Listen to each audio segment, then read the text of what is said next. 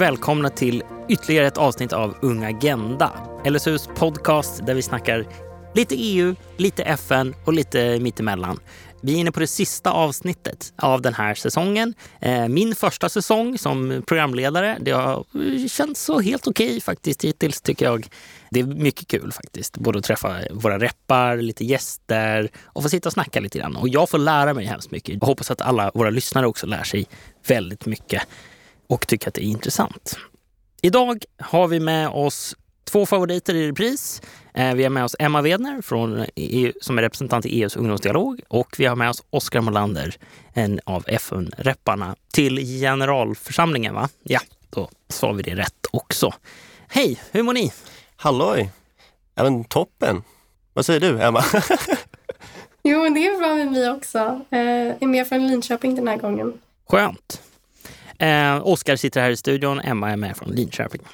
I dagens avsnitt kommer att vara lite annorlunda. Vi kommer att blicka lite tillbaka på säsongen som har varit men också eh, halvåret som har varit i er, i, i er repvärld och eh, i i världen helt enkelt. Eh, och så kommer vi titta lite grann framåt. Hur ser, hur, vad tror ni har för framtidsspaningar? Och så kommer vi blanda det med lite, lite mer lättsamma saker. Vi har förberett ett litet På spåret-aktigt quiz här också där vi ska sätta våra eh, två representanter på prov. Och så ska vi självklart snacka eh, lite sommarplaner också, tänker jag. Hur känns det? Det känns toppen. Det känns väldigt kul att vara här eftersom när jag, jag gjorde ju faktiskt eh, säsongens första avsnitt vill jag tro med Jasmine, eller så var det det andra. Vilket som så var man väldigt färsk då eh, och nu har det ändå gått ett par månader in i uppdraget så det känns väldigt kul att eh, ja, men, nu vara lite mer etablerad som rep. Det är faktiskt så att Emma, Emma, du har ju varit med i alla avsnitt eh, som handlar om EU, eh, tror jag, om jag inte minns fel. Ja, det är, det är sånt man får ta när man är flexibel student. Liksom. Men Exakt. Jag, jag får hoppas att jag är varm i kläderna nu i alla fall. Annars får det, blir det bakläxa till nästa. Det, det tror jag. Och, äh, precis, det, jag tror att det var första eller andra avsnittet. Mm. Någonting sånt. Uh, men när vi ändå så inne på, på avsnitt. Uh, har ni någon favorit? Har ni lyssnat på säsongen överhuvudtaget? Ja, men det, det har jag ändå gjort. Uh, och jag gick kanske lite eh, vad ska man säga, eh, har väl lite kanske tendens till att eh, tycka att det här FN-avsnittet med Ulrika Moder var väldigt bra. Eh, sen kanske det har att göra med att jag är FN-rep. Mm. Eh, men, eh, nej, men det tyckte jag var väldigt kul eh, att hon ställde upp och sa mycket vettiga saker. Ja, men jag slår ett slag för EU-avsnitten då, om vi ska marknadsföra oss lite. jag tyckte avsnittet som vi spelade in med Alice var väldigt kul.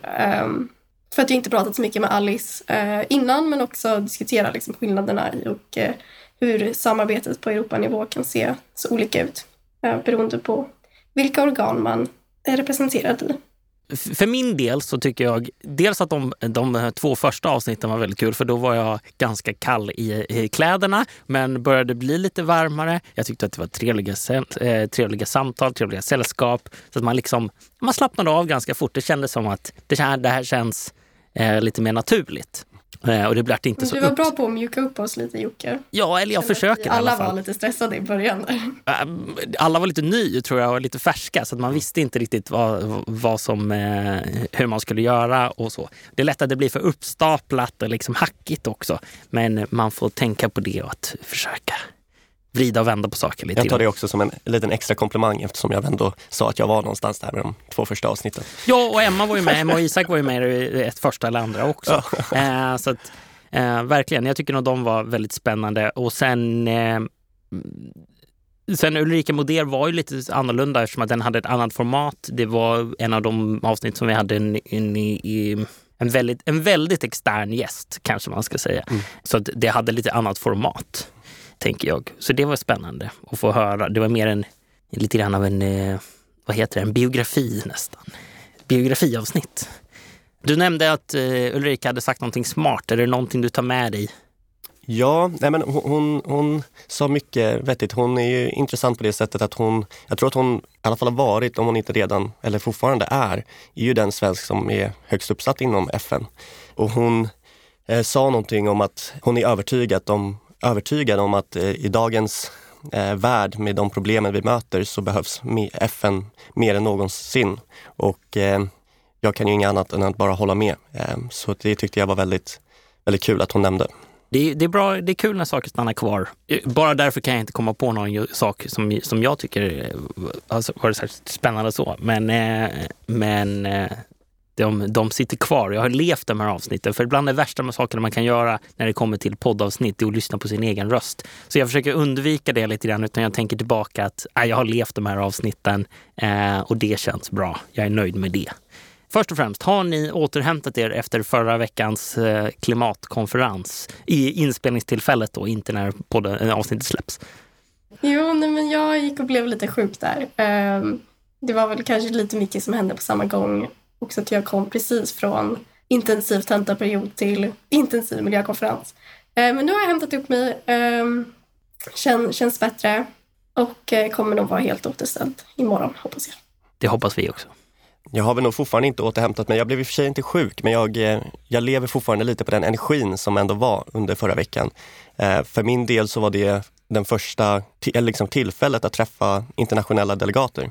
Eh, så att utöver att konferensen i sig själv var, var viktig och intressant och så, så var den ju eh, väldigt baserad på eh, ungas engagemang och eh, vilket då gjorde att man fick möjlighet att träffa väldigt många unga.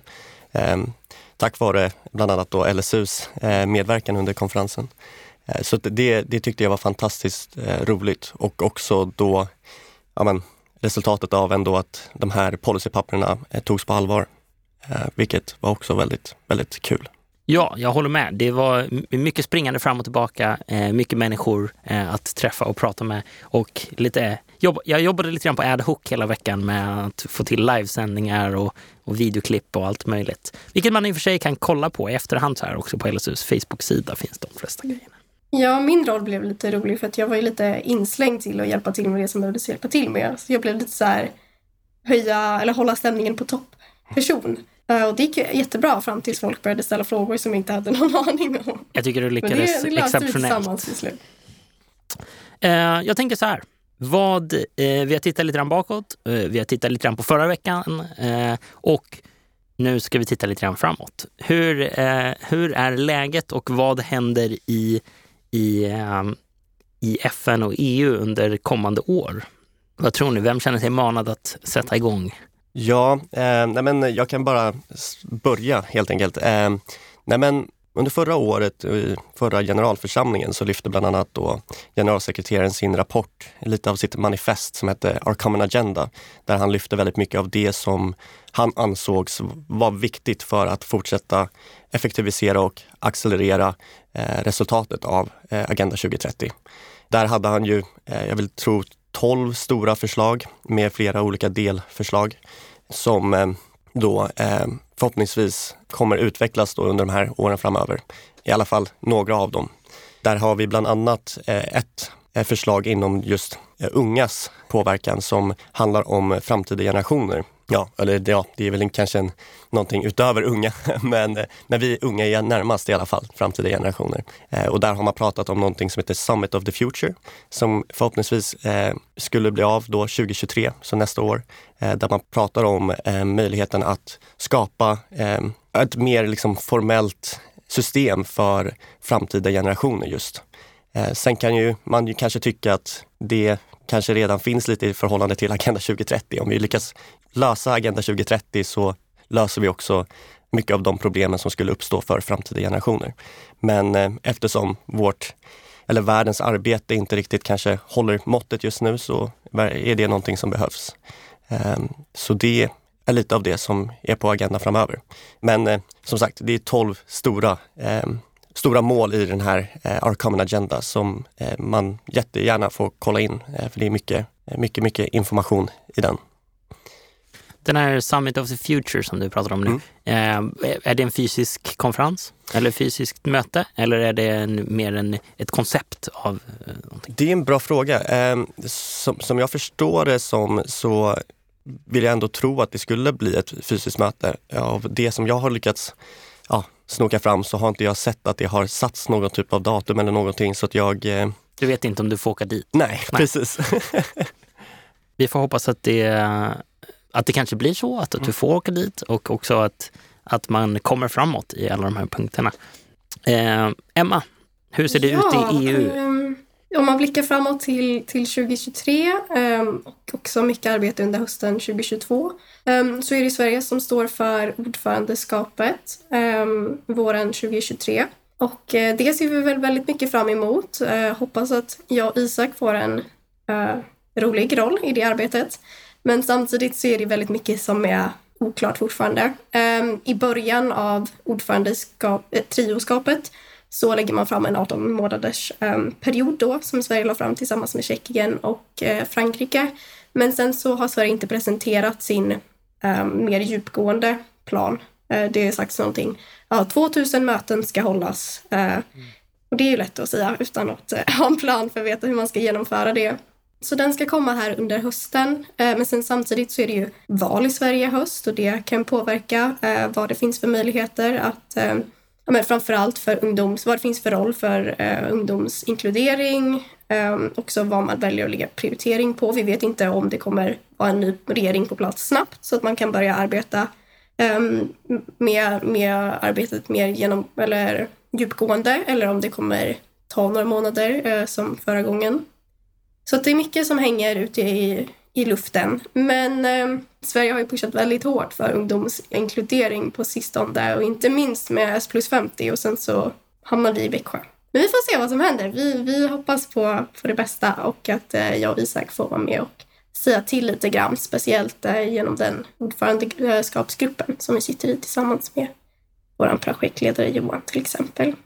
Sen, sen Sverige senast höll ordförandeskapet 2009 så har det ju hänt lite förändringar eh, i mandat och så i och med att eh, ändringarna från Lissabonfördraget skulle inte hade kommit igenom än eh, 2009 så att det, det blir intressant att se. Eh, vi får nog jobba mycket kring det under hösten och eh, förhoppningsvis ro i land något riktigt bra. När startar ordförandeskapet? Efter årsskiftet efter årsskiftet. Har man hunnit med någon av de här 2000 mötena än? Eller kommer man behöva göra allihopa då efter? efter eh... Ja, nej, alla ska ske under, under eh, ordförandeskapsåret. Och sen så ska väl vissa av dem vara lite mer fokus på än andra. Eh, men jag läste någonstans att det första ska hållas i Kiruna. Ah. Eh, så det var ju intressant. Sverige har sagt att ambitionen är att vara klimatsmarta, digitala, kostnadseffektiva och transparenta. Eh, så det är fina ord. Hoppas vi att eh, vi kan leverera på också. Vi kan leverera på dem, ja. Det, det får vi verkligen hoppas. Kommer, eh, kommer FN-repparna eller, eller någonting sånt, kommer ni vara inblandade i EUs ordförandeskap?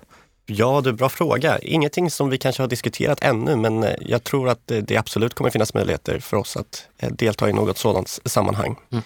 Kanske slå två, två eh, kloka huvuden ihop. Kloka huvuden ihop eller någonting sånt. Jag hade svårt att hitta det där ordet kloka där, det gjorde mig lite orolig.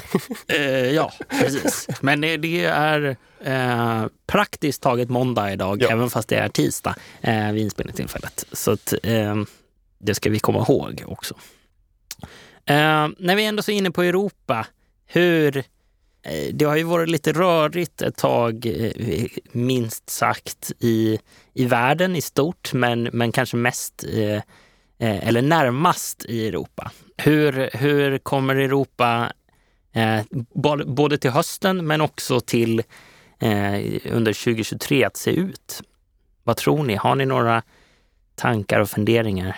Jo, um, men jag tänker när Oskar och jag pratade ihop oss lite om det här avsnittet eh, innan inspelningen här så kom vi väl fram till tillsammans att EU, eller ja, framförallt EU, men också om man pratar Europarådet och det är den uppgiften som Alice har där, ehm, så känns ju sammanhållningen i Europa eh, mycket starkare än vad den varit på länge. Ehm, vilket mycket har att göra med um, att det finns krig i våra närområde ehm, som nu pågått i mer än hundra dagar. Och framför framförallt EU-kommissionen i, i sina kanaler pushar väldigt mycket för att det här är motsatsen till vad eh, Putin hade förväntat sig och att ehm, EU då blivit mycket starkare genom att ja, kunna lägga fram gemensamma sanktionspaket och så vidare. Men det som jag tänker är viktigt nu är att de här sanktionspaketen visar på reell skillnad så att eh, det blir tydligt att de här orden och eh, besluten som vi nu fattar tillsammans också eh, påverkar ja, men den situationen i kriget som vi ser. Också alla andra som blir drabbade av eh, den politiska situationen. För annars så finns det nog risk för att eh, den här starka bilden faller som en, som en platt fasad. Mm. Har du några tankar, Oskar? Nej, men jag kan inte säga något annat än att jag håller med. Eh, som sagt så var det här lite av det vi diskuterade eh, innan jag och Emma. Eh, ja, det jag kan tänka är bara att så här, det kanske finns ett eventuellt litet orosmoln att man eh, till följd av den konflikten som ändå sker i Europa, att man kanske ja, glömmer bort andra typer av eh, mm. problem som finns i världen och att man också då eh, den här, ska man säga, omtänksamheten vi har eh, inom Europa, att den också eh, översätts inom hela världen och alla världens problem. Att vi också då eh, ja, inte drar oss inåt utan också faktiskt eh, ja, har ett större perspektiv samtidigt som vi såklart eh, behöver det här mera näromliggande perspektivet också. Men en av de slutsatserna som men framförallt du Oskar drog eh, var ju att det, det är väldigt tydligt att samarbete eh, multilateralt men också eh, i olika internationella organisationer värderas väldigt högt av, av unga på ett sätt. Eh, det var lite det som jag och Alice diskuterade också i tidigare avsnitt att eh, det värderas högt och att många unga har eh, dels varit engagerade i olika hjälpinsatser men också mycket diskussion och eh, engagemang i, i frågan har, har väckts från unga. Mm.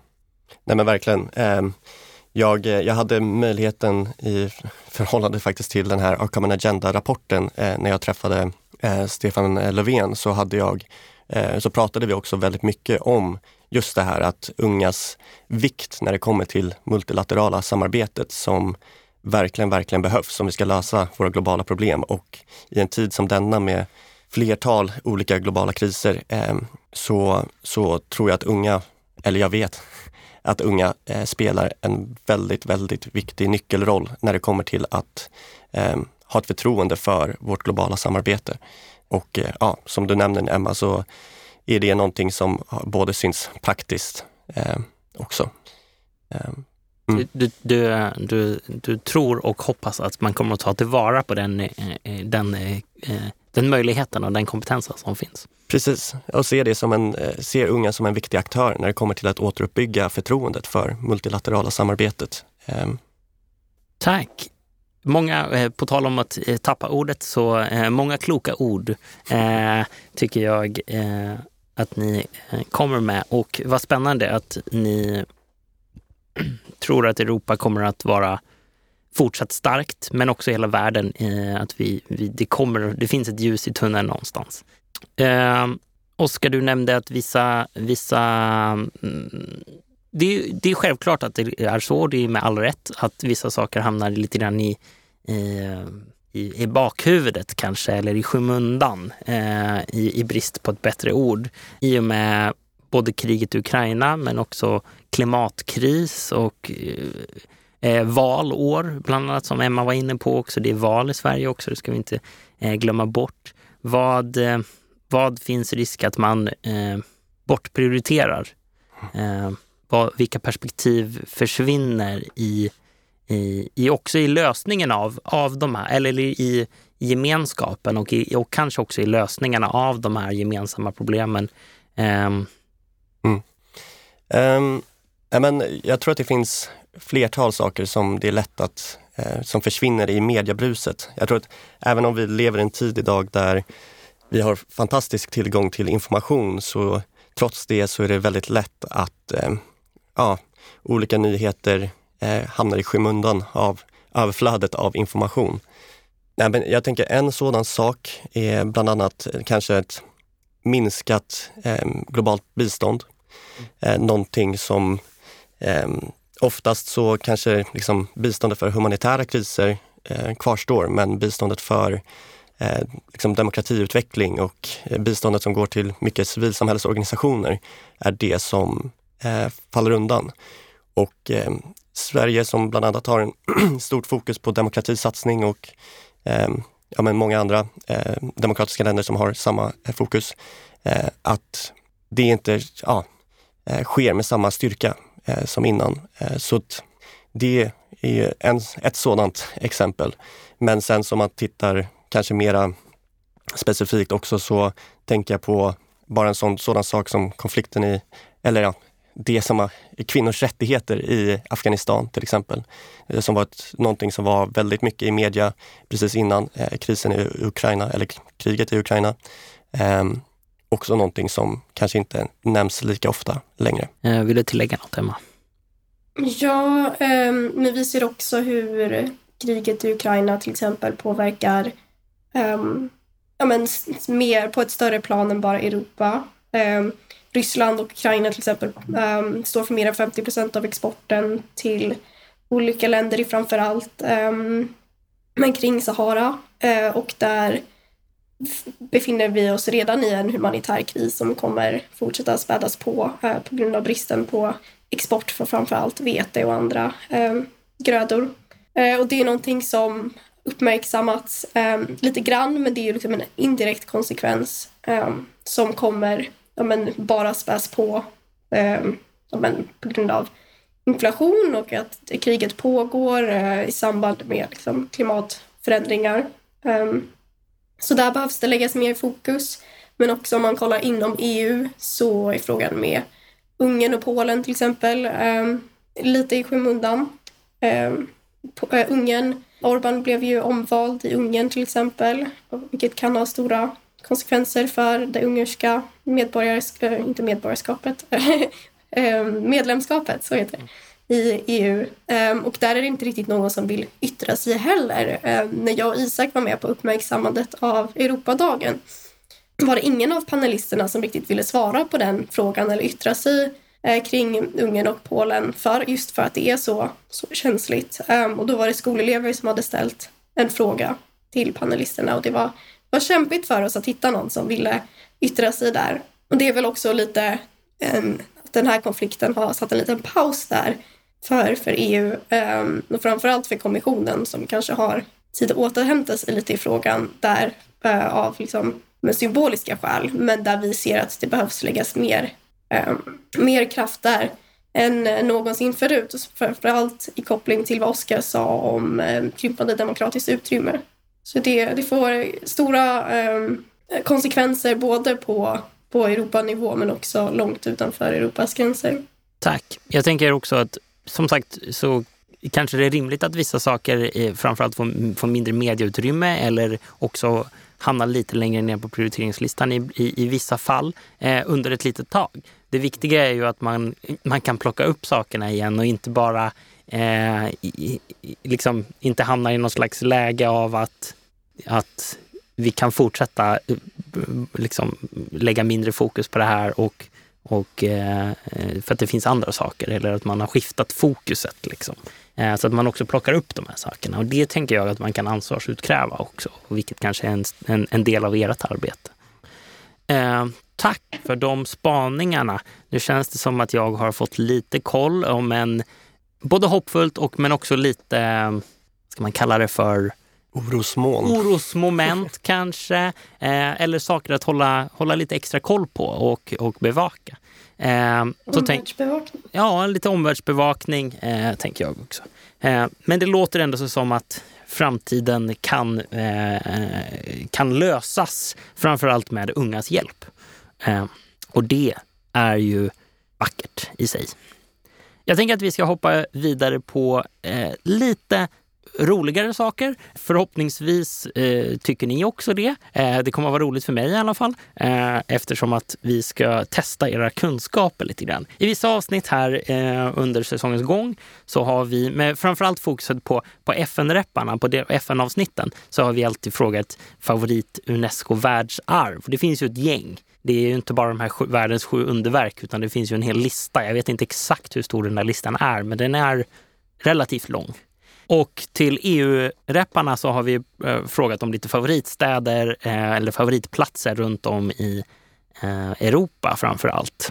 Och därför har den här poddens fantastiska producenter, vi ska ge en shout-out till dem också tänker jag, eh, Johan och Feben har eh, förberett ett litet quiz här som är lite På spåret-aktigt. Eh, jag kommer att eh, ge er en liten ledtråd eh, som är en svår ledtråd, en medel ledtråd och en lätt ledtråd. Och jag tänker att vi bara kör att eh, man, får, eh, man får svara när man känner sig redo. Det är alltså Oscar mot Emma här då.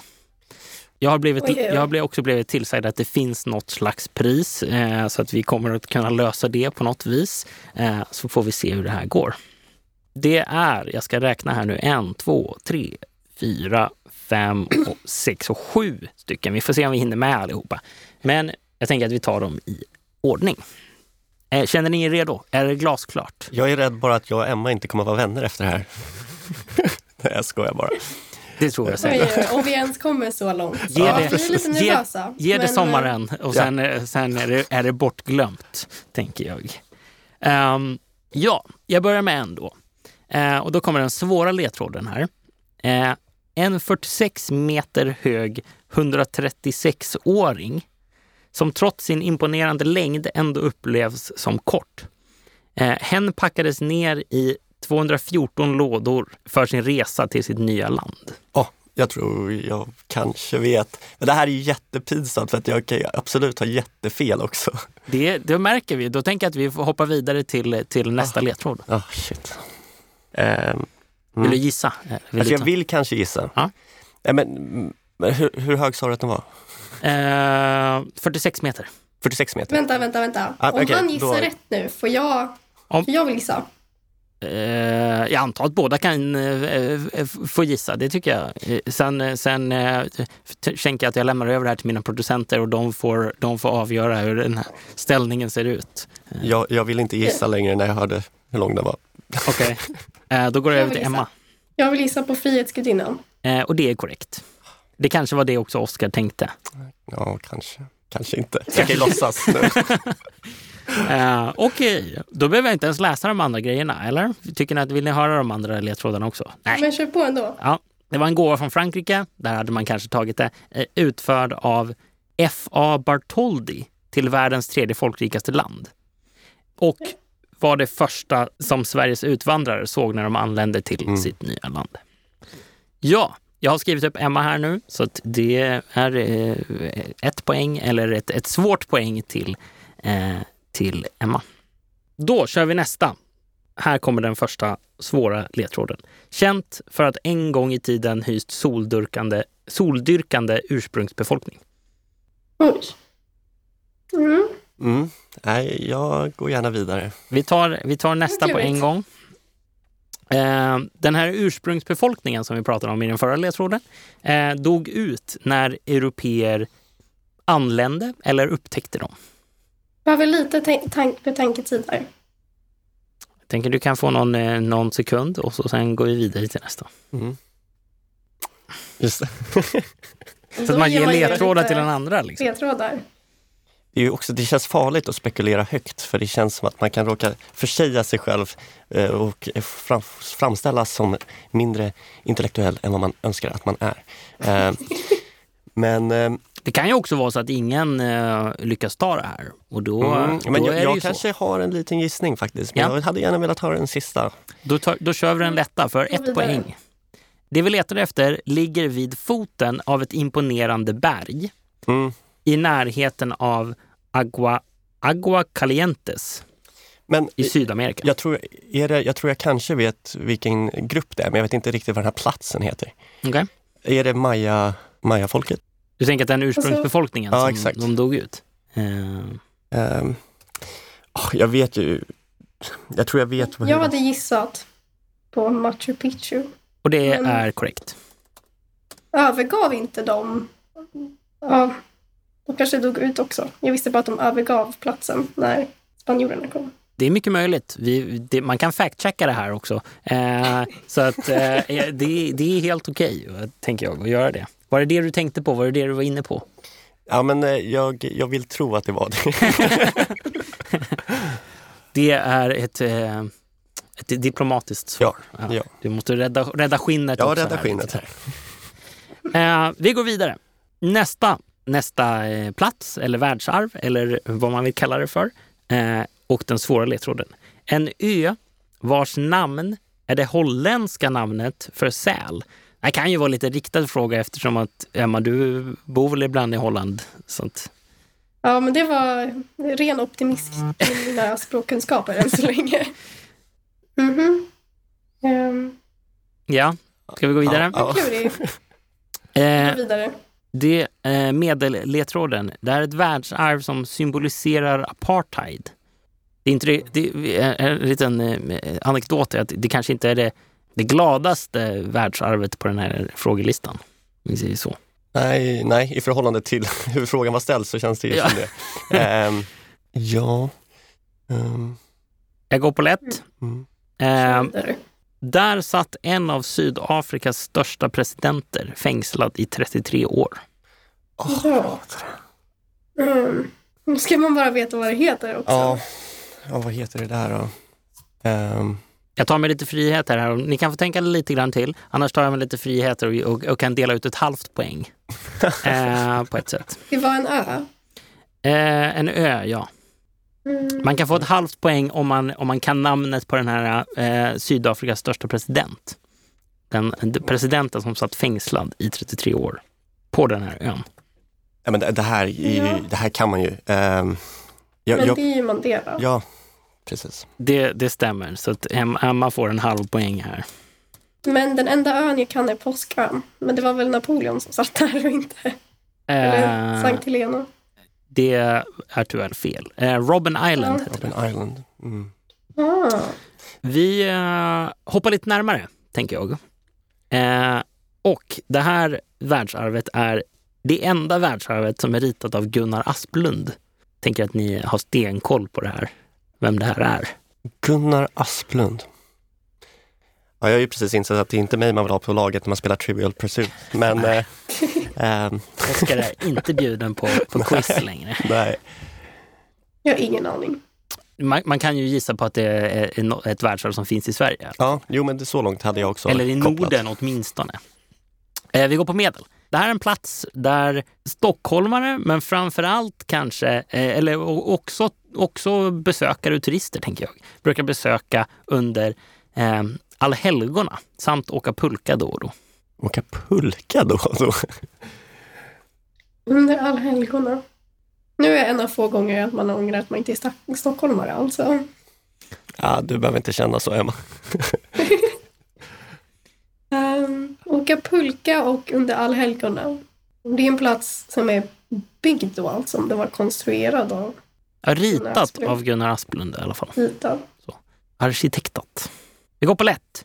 Mm. En relativt ung 82-åring som ligger i södra delen av en stad där det en gång skedde ett blodbad. En morbid ledtråd. Vänta, eh, säg den frågan en gång till. En relativt ung 82-åring som ligger i södra delen av en stad där det en gång skedde ett blodbad. Ja. Äh, äh, Jag tänkte också det med, äh, med... Det är en lite förvirrande ledtråd, ja. Vi har ju redan konstaterat att det kanske ligger i Stockholm. Ja, hon, ja, verkligen. Så att eh, eh, staden där det en gång skedde ett blodbad kan Ja. man ju ignorera här då. Eh, Så en relativt ung 82-åring som ligger i södra delen av Stockholm. Stockholm. Exakt. Vänta, fan. Nu blev det klurigt. Ja. Okej. Södra delen av Stockholm. 70, nej, 82 år sedan. Man åker pulka. Eh, Ska vi ge upp? Ja, ja. Det är Eh, Det är alltså Skogskyrkogården eh, som vi letar efter. ja. Eh, Och det är ett världsarv. det är ett världsarv. Exakt. Oj, oj. Man besöker det väldigt, eh, väldigt mycket under helgerna där det är uppljust över hela Mm. eh, i typ tre dagar, tre dygn eller någonting sånt som det också är väldigt mörkt och väldigt uppljust eh, eller upplyst av alla de här lamporna. Eh, antingen stearinljus eller elektroniska ljus av något slag. Mhm. Just det. Ja, jag Ah. kommer ihåg till och med de eh, intervjuklippen som, eh, som spreds på när folk åkte pulka där. Mm. Ehm, Vi kör nästa. Eh, svår ledtråd här. Ett världsarv vars upphovsman dog i sviterna av att ha blivit påkörd av en spårvagn. Det här alltså, hände alltså eh, före eran tid, tror jag, skulle jag gissa på, för det var 1926. Eh, så att, ja, det hoppas jag också. ja. Ehm, Ja, där behöver vi nog lite mer ja. ja, det här är ett världsarv som fortfarande inte är färdigställt. Mhm. Sitter jag och tänker på den där kyrkan i Barcelona bara för det, för det är ju inte, det är någonting som ehm, inte varit färdigställt på väldigt lång tid. Ska bara men eh, Vill du gissa på det? Ja, men nu är det ju jobbigare att jag inte kommer ihåg vad den heter, men jag vet ju. eh, Så får man gissa kyrkan Ja. i Barcelona? är det ett godkänt svar? Vi kan komma på tillsammans. Du får poängen då. Det heter någonting med familj, eller hur? Ja, eh, just det. Eh, Ja, precis. De Familia någonting innan. Ja, jag tänker så här att vi, eh, du får ett poäng. Ni, får ett, ni kan få eh, ett poäng var för det kanske. Eller ett, eh, Sagrada nej. de Familia. Ja, där har du det. Oskar får de poängen. Första poängen Oskar tagna. Hur känns det? Det känns eh, som att det är comeback. Ja, i den här något, något svåra eh, världsarvskampen, eh, Ja. kanske vi kan kalla det för. Eh, det var alltså eh, Sagrada. Ja. Exakt, det stämmer. Nästa ledtråd var ligger i en av Europas mest turisttäta städer. Det hade ni tagit, Barcelona. Som bland annat är känd för sin självständighetskamp. Mm. Eh, vi har två kvar. Sen eh, är det över. Den svåra ledtråden ligger på ena änden av en väldigt känd gotisk bro i samma stad. Eller gotisk bro kanske man säger, eh, i samma stad. På ena änden. Mm. Arkitekturhistoria är man ju inte riktigt vän med. Jag är redo att gå på nästa. Ja. Medelledtråden ligger i en europeisk stad Mm. som dock inte längre tillhör EU. Okej. Ja, okej, men, Har Emma lite försprång Mm. här nu som EU-rep? Ja, nej, men eh, det här tror jag ändå att jag kanske vet var vi är någonstans. men, men, men eh, ehm, Men eh, jag, jag gissar. Ja. Jag gissar på eh, Big Ben. Det tror jag, jag måste gå, eh, jag tror att det är fel. Ja, okej. får, jag Tänkte gå, det vara dags att slå på slot. får jag gå vidare till den lätta frågan? då? Eh, ja, jag vet dock inte, vi har ju redan konstaterat vilken stad det är, Ja. så jag vet dock inte hur mycket det här hjälper dig. Eh, men att det ligger i samma stad där Jack the Ripper en gång i tiden Ja, begick sina okej. bestialiska mord. Men- Så att det, det hjälpte ju inte dig jättemycket. Nej, men jag förstod inte riktigt exakt vad originalfrågan var. Eh, Bro- ligger på ena änden av en väldigt känd gotisk bro i då, Ja, London. London, London exakt. Jag har ju tyvärr aldrig varit i London, men jag har ändå... Men eh, är det... Eh, ja, vad skulle det kunna vara? Ena änden. Big Ben är ju faktiskt en ganska bra, bra gissning. Eh, Tyckte jag också. ja du, jag bara säger... Big Ben känner man ju till. Eh, och den är ju stor och ståtlig där. Så den är... jag tänker också typ så här London Eye eller vad den heter. Eh, men den känns ju knappast som ett världsarvs... Ja, Jag vet faktiskt inte om det är ett världsarv. nej, Men det här är jag i alla fall det. Och jag vet bara som den... eh, jag jag, jag eh, tycker om lite så här nördiga grejer. Så att jag vet att den framträder väldigt mycket i Doctor Who i alla fall. Den brittiska eh, sci-fi-serien som har gått från 60-talet.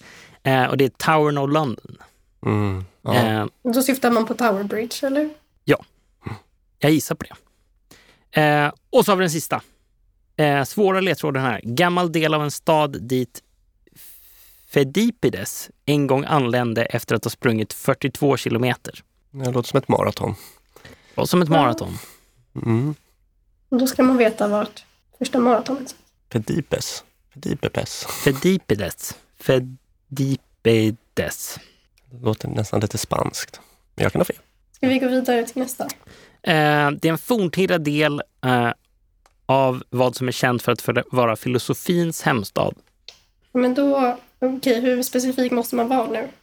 Eh, det får vi se. Gissa på du och så sen eh, får vi se. Nej, men sen så kom ju du med lite så här smyg ledtrådar till Oscar. Jag hade gissat fel. Det vill man inte gå miste om. Ja, precis. Ska vi ta den sista? Vi tar den sista. Nu kommer ju Emma vara snabb här. Eh, känd framför allt för Parthenon. Kan du Jag kanske uttalar fel här, jag vet inte. Känd framför allt för Parthenon, eller Partehon. Parthenon? Parthenon kanske uttalas. Jag kan också ge en extra liten ledtråd. Eh, I den första så fanns det liksom en liten parentes. Mm. Eh, så att ehm, där man hade sprungit då 42 kilometer. Mm. Eh, det blev också en födelseplats för en väldigt stor eh, eh, idrottstävling och också starten Alltså- för maraton, vilket vi då har konstaterat redan. Jag gissar ju på att vi är i Aten. Det eh, kanske vi är. Måste man vara mer specifik än så? Lite. Kanske jag inte skulle ha frågat. det här med mytologi och så är ju inte riktigt någons eh, höjdpunkt eller inte huvudsyssla verkar det som. Här. Nej. Ni kommer ju, eh, ni kommer ju eh, för, veta när, när, när, vi säger det. Eh, det är alltså Akropolis som mm. där OS, ja, det är filos OS och maraton startade. Ja. Mm. Filosofernas stad. Ja. Det var det. Bra jobbat. Jag tror utan att titta på resultatet att Emma faktiskt har tagit hem det här, Oscar. Det tror jag är ehm. riktigt. Det här är inte den stoltaste tiden under mitt representantskap. Eh, jag tror att hon tog hem det här med, med ganska många poäng. Det tror jag också. Eh, så att en, en, en, ett stort grattis till Emma. Eh, jag går händelserna i förväg och bara utlyser Emma till vinnare. Det är helt okej. Okay. Ja. Det är helt okej. Jobbigt om det kommer en parentes sen. Att vara... Ja, just det. Vi, vi, får, vi får göra en correction i, i första avsnittet eh, nästa säsong istället eh, om det skulle visa sig att jag har fel. Ja, vi ska alldeles strax avsluta. Kul att ni har varit här. Jag tänkte, vad eh, har ni för planer i sommar? Vad är era sommarplaner? Kanske dels både i uppdragen, för jag vet att vissa saker brukar hända under somrarna också. Eh, framförallt i FN. Jag vet inte om du fortsätter fortlöper sakerna i EU, men vad har ni för, för nära framtidsplaner och, eh, och sommarplaner? Är det sol och bad eller är det eh, uppdrag och eh, jobb? Jag tänker att eh, vinnaren får börja som pris. det, pris. Som det pris. finns ett annat pris också faktiskt. Det ska vi. Um, nej, men jag är taggad på, på sommar. Um, jag ska hänga i Sverige mestadels. Men eh, först blir det lite uppdrag här nu nästa vecka i och med ehm, H22. Sen så ska vi förbereda lite inför um, ungdomskonferensen i Tjeckien och sen efter det blir det förhoppningsvis lite semester från uppdraget. Um, även om det är kul så är det lite ett, så här, ett moln som hänger över en det eh, finns alltid lite mer man kan, kan göra.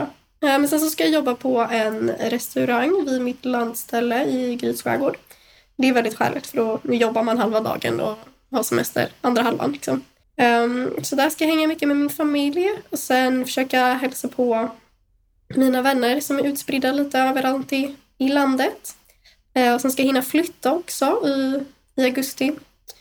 Uh, och sen efter det så ska jag åka till Milano med mina um, kära rumskamrater som jag bor med. Uh, för en av dem bor där. Så det, det finns att göra i sommar. Men det ska också bara bli mycket typ läsa böcker och eh, eh, lapa sol. Vad härligt. Det, vi får hoppas att du hinner med allt. Eh, och också kommer tillbaka utvilad inför, ja, precis. inför Nej, mycket, ordförandeskap mycket och, och eh, hösten. Precis. Oskar? Ja, Nej, men eh, lika så. Jag har också lite lite, ska ta lite tid och, och vila ut. Jag har ganska nyligen tagit eh, examen så jag ska väl också fundera och filosofera över vad jag ska göra eh, efter sommaren. Eh, men sen så är det väldigt mycket eh, med uppdraget också. Eh, jag eh, ska bland annat delta på det här som Alice pratade förut i, i en podd om den här kampanjen Youth Here Democracy Now mm. som kommer vara i Strasbourg. så dit får jag möjligheten att åka och lära mig mera om demokratifrågor och eh, ungas eh, involvering. Så det ska bli super, super spännande. Så det ska jag göra och sen så är ju eh, generalförsamlingen ganska direkt på eh, efter sommaren. Så det kommer nog vara ett och annat att förbereda inför det också. Eh, men sen ska jag också åka till Norge, vandra lite och så. Så jag ser väldigt mycket fram emot den här sommaren. Vad härligt. Vi får hoppas att eh, vädret är med oss. Lite regn vill man ha, lite, lite eh, gråa dagar är trevligt också att kunna återhämta sig eh, ganska bra på, men också mycket sol och bad. Mm. Eh, ja, jag tänker att eh, det är, eh, är det. Om ni inte har något sista som ni vill skicka med. Eh, till, Vi vill till... höra om dina sommarplaner Jocke. Jag, har ju, jag ska ju ha lite semester, självklart. försöka hinna bada lite grann. Och sen ska ju faktiskt jag bli, eh, eh, få, få en liten, eh, liten, eh, litet flickebarn eh, mitt i sommaren också så att jag ska bli pappa. Eh, så att det kommer att ta upp ganska mycket tid tror jag det. Eh, får se hur mycket återhämtning det blir men jag hoppas att det blir väldigt kul. Så det, är väl, det är väl mina planer. Ska jag på ett bröllop ja. också tror jag. Jag tror att det är någon gammal barndomsvän som, fyller, eller som, som gifter sig. Så att det är väl typ det. Gud vad härligt. Det ska bli väldigt spännande och väldigt kul och en liten omställning i livet. Stort grattis! Tack! Men jag tänker att jag hinner, eh, kommer att hinna till hösten ändå att programleda eh, nästa säsong. Och eh, det ska bli kul. Jag tror att vi kommer att ses igen då. Eh, vi kan ju inte ta koll på Emmas, eh, Emmas streak här nu av att ha varit med i alla avsnitt eh, som handlar om EU. Så att den får vi upprätthålla på ett eller annat sätt. Kanske få komma in med en liten smart kommentar bara i något avsnitt där du egentligen inte är med. vi får se hur det, hur det artar sig, tänker jag. Eh, och ja, jag ska försöka lämna plats till de andra också. Ah, vi får se hur det går. eh, och eh, jag tänker att vi kanske har ett avsnitt som handlar om generalförsamlingen kanske mm. till hösten också. Så det hade varit jättekul. kan ju bli eh, spännande. Jag eh, säger tack till Emma och Oskar. Det här var trevligt. Tack så mycket. Tack till eh, Feben och Johan som har hjälpt till hela säsongen att hitta på, dels bjuda in gäster men också att eh, hitta på lite grann vad vi ska prata om, vilka ämnen vi ska ha. Eh, tack till mig själv som faktiskt har lyckats programleda vissa av de här avsnitten, eh, eller alla avsnitt den här säsongen. Och eh, tack också till Kristoffer på Red Means Go som producerar podden eh, åt oss. Eh, eller med oss. Jag vet inte riktigt vad man säger. Åt oss, med oss. Och vi syns till hösten. Okänt datum, men eh, det går ju alltid att hålla koll i LSUs sociala medier och kanaler för det. Ha det gött! Och så syns vi då. Ha en trevlig sommar. Trevlig sommar. Hej. Hej.